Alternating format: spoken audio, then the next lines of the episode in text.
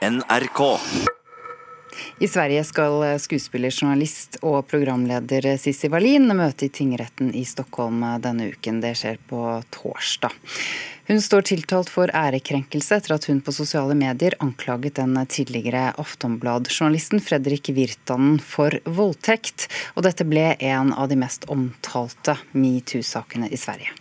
Jeg hadde skrevet et utkast som jeg skrev om masse ganger og holdt på fram og tilbake og bolla litt med mennesker som jeg litar på i min nærhet. Kolla med en jurist jeg kjenner. Og så, eh, så bare, men nå gjør jeg det. Og så gjorde jeg det, og satt jeg på det kaféet, og jeg fattet jo så klart at det skulle få veldig stor spridning. Det fortalte den svenske skuespilleren og TV-profilen Sisi Wallin til svensk radio desember 2017. Historien hun valgte å fortelle på Instagram denne høsten, skulle føre til at hun to år senere skulle bli tiltalt for ærekrenkelser. Torsdag denne uken må hun møte i Stockholms tingrett. For i innlegget som ble delt over hele Sverige denne høstdagen, anklaga hun en av Sveriges mest profilerte journalister, Fredrik Virtanen, for å ha dopa og voldtatt henne i 2006. Hun forteller at hun hadde anmeldt saken i 2011, men at saken ble henlagt på bevisets stilling. Virtan var stjernejournalist i Aftonbladet, hadde vært korrespondent og var også kjent gjennom sitt eget talkshow på TV. Hei og velkomne til Studio Virtanen. Kul at dere tittar. Vi Instagram-innlegget ble svært mye omtalt av svensk presse, i en tid der metoo var en av verdens mest omtalte emneknagger. Senere kom flere saker i svenske aviser med anklager fra kvinner som hevdet at Virtanen hadde bedrevet seksuell trakassering og overgrep. Saken fikk store konsekvenser for Virtanen. Han mistet jobben, og har tidligere fortalt NRK at han opplevde enorme mengder hets i sosiale medier. Til Sveriges Radio tidligere i år fortalte Virtanen at han tidlig forsto at karrieren hans var over. Å innse at mitt liv som jeg kjenner det, det er jo slutt. Eh, Så langt er det klart. I januar i fjor anmeldte Fredrik Virtan Sisi Wallin for ærekrenkelser. I august ble hun tiltalt, og denne uka må hun møte i Stockholms tingrett. Begge parter i saken mener de har rett, begge mener de er ofre. Ja, aktor i rettssaken sier til NRK at han ikke vil kommentere saken før rettssaken er over. Og det har ikke lyktes NRK å få en kommentar fra advokaten til Sissi Wallin. Reporter var Christian Ingebretsen. Agnes Moxnes, kulturkommentator i NRK. Denne saken rundt Fredrik Virtanen, hvor stor plass har den tatt i Sveriges metoo-oppgjør? Den har ikke bare tatt stor plass, den tar fortsatt veldig stor plass. Og ikke minst nå når det blir en metoo-sak som skal prøves i rettssystemet. Og fordi Fredrik Virtanen jo ser på seg selv som et metoo-offer. Sånn at her, den saken som kommer nå, kommer til å ha stor symbolverdi. Hva kan ringvirkningene bli hvis, uh, av denne saken mot Fredrik Virtanen? Altså, han har da anklaget Sissi Wallin for ærekrenkelse. Mm. Nei, De kan bli store, ikke minst for Sissi Wallin. Hvis Fredrik Virtanen vinner denne saken, her, så er altså strafferammen to år. Sånn at Sissi Wallin kan havne i fengsel i, i to år. Eh, men det er ikke noen tvil om at det vi ser her, er en Fredrik Virtanen på, på krigsstien. Han er på jakt etter oppreisning, eh, bl.a. gjennom erstatning og han har jo allerede sagt at det kan komme flere rettssaker, og at han ikke har tenkt å stoppe med Sissi Wallin. Og vi kan jo minne om at Det var jo nettopp Fredrik Virtanens bok som ble utgitt på et norsk forlag, fordi angivelig ingen forlag i Sverige ønsket å, å, gi den ut, og han har holdt mye foredrag i Norge også. Hvem er det som kan bli stilt til ansvar for at ubekreftede rykter som blir delt i sosiale medier, ja, hvem har ansvaret for dem?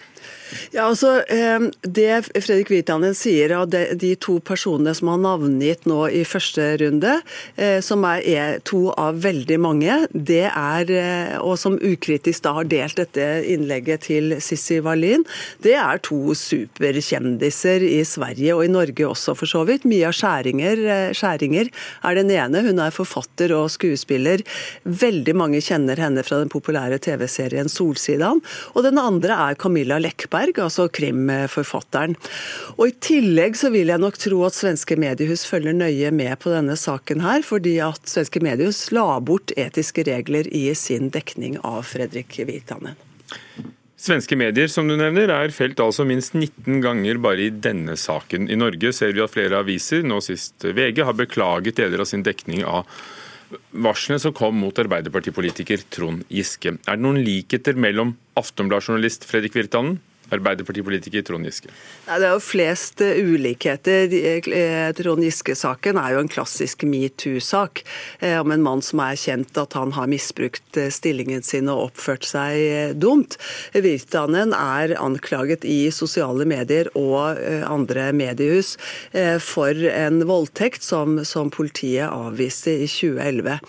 De to stilte jo sammen på mediekonferansen i Tromsø nå nylig og snakket om mediedekningen av disse sakene. Og selv om norske medier kommer bedre ut enn de svenske, så handler jo dette om en stor bevisstgjøringsprosess som er på gang eh, når det gjelder medier, og hvordan de kan evne å holde hodet kaldt når en bølge som metoo skyller over verden. Torsdag kommer denne saken opp i Stockholm tingrett. Sissel Wallin anklaget for ærekrenkelser. Når kommer det noen konklusjoner?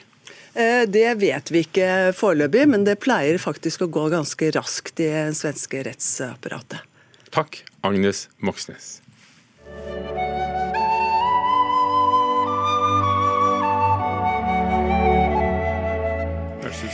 Arbeidet med første sesong av eh, 'Ringenes herre'-bøkene som TV-serie er i full gang. Men allerede før den er ferdig, og før publikum har fått se den, så mm, gir Amazon nå grønt lys for å starte arbeidet med sesong to. Kulturreporter Petter Pettersen. Ja, ifølge nettstedet Deadline så har strømmetjenesten bak det som omtales som eh, tidenes dyreste serie, allerede nå startet arbeidet med sesong to.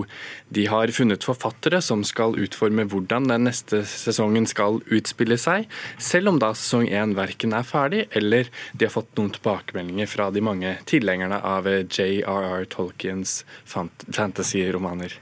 Kan du si noe om hva vi kan vente oss av denne TV-serien?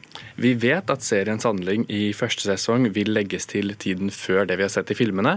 Eh, og ulike nettsider har også skrevet at den vil handle om karakteren Aragorn, eh, Aragorn som ung. Aragorn var 87 år gammel i 'Ringenes herre'-filmene, så her er det altså mange år av hans barndom og ungdomstid man kan, eh, man kan dage serie av. Men hvis man ser på disse montasjene av hest og sitter oppå hest, som det da er flere av i utstillingen, så er de jo lagd så de blir litt menneskelige, da. Eh, blant annet så er det jo e, ene hesten sitter jo med mm, skjorte og holder en sånn dressjakke litt sånn casual da over skulderen. Så han skal se litt folkelig ut, da, samtidig som han sitter på en annen hest. Og Den måten å gjøre dyr menneskelig på det er kunstner Christian Messel som snakker om sin utstilling 'Alle skal i jorden' på Galleri K i Oslo. Der er det nemlig mange motiver med hester og, og, og ryttermotiver. Og det store spørsmålet er hva ser vi på som viktig? Hvilke ting synes vi har en verdi? Mona Palle Bjerke, kunstkritiker her i NRK. Hvem er eh, Christian Messel? Ja, dette er en norsk kunstner som har markert seg med et veldig egenartet uttrykk. Han er kjent for sine virkelig sånn nitide, millimeter presise tegninger eh, som ligner på grovpikslede fotografier eller forstørrede kobberstikk. Eh, I bildene så klipper og limer han fra en rik billedtradisjon. Her finner vi både historiske, kunsthistoriske referanser, men også eh, referanser til vår egen visuelle samtidsvirkelighet. Rytteren er også et maktuttrykk som han er veldig opptatt av. Hvorfor det? Ja, han, skaper, han er opptatt av maktrelasjoner generelt eh, sett. Eh, både utfordre dominerende narrativer og forestillinger, men også klassiske maktuttrykk, da, sånn som rytteren, som selvfølgelig er liksom Eh, virkelig helt typiske med denne mektige, ofte konger som eh, sitter til hest, som Marcus Aurelius på Kapitol, eller Karl Johan, eh, vår egen Karl Johan foran Slottet. Men det han gjør her, da, er jo på en måte med litt glimt i øyet å la hesten ri på en hest. Menneskeliggjøre hesten. Og det kan jo være en måte å se det på, at det er et bilde på hvor slavebundet dyret er i vår virkelighet. da underlagt menneske. Men her skal man selvfølgelig være litt forsiktig. Vi har jo lært i det siste at hvis man fremmer dyrenes rettigheter, så kan man bli mistenkt for å ikke være opptatt av menneskeverd, f.eks.